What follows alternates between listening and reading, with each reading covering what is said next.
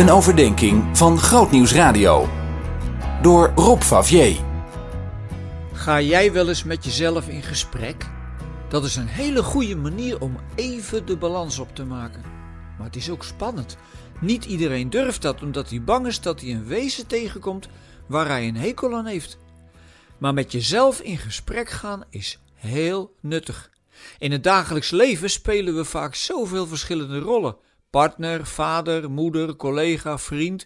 En bij al die rollen liggen de nuances vaak net even anders.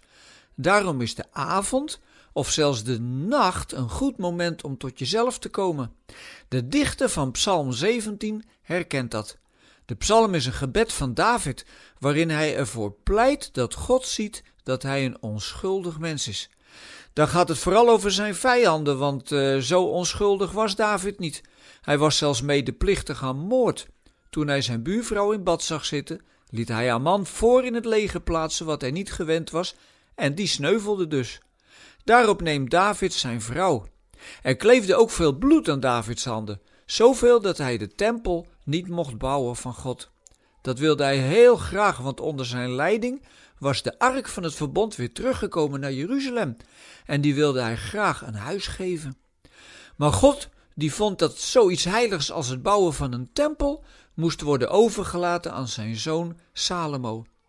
Of die nu zoveel heiliger leefde dan zijn vader, dat zullen we maar even in het midden laten. Maar David pleit er dus voor bij God dat die zijn onschuld ziet. En eigenlijk is dat heel mooi. Wij zeggen niet zo makkelijk dat we niets fout hebben gedaan tegenover God. Zeker als het zondebesef er je hele leven al ingehamerd is. Ik weet wel dat als ik vroeger mijn kindergebedje moest zingen, dat ik de regel schoon mijn zonden velen zijn best een beetje lastig vond. Ik had zelf het gevoel dat het, dat het eigenlijk wel meeviel. Maar hoe dan ook, David gaat in gesprek met God en nodigt hem zelfs uit om te onderzoeken of hij iets verkeerds heeft gedaan. Dat is wel heel moedig. Hij gaat zichzelf niet uit de weg. Hij verstopt zich niet voor zijn eigen fouten. Dat bleek later in de geschiedenis van Bathsheba ook.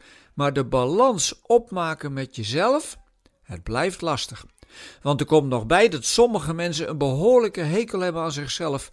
Ze kunnen zichzelf niet accepteren zoals ze zijn. Dat heeft natuurlijk met van alles te maken, met je opvoeding, met wat je meegemaakt hebt in je leven, maar niet met God.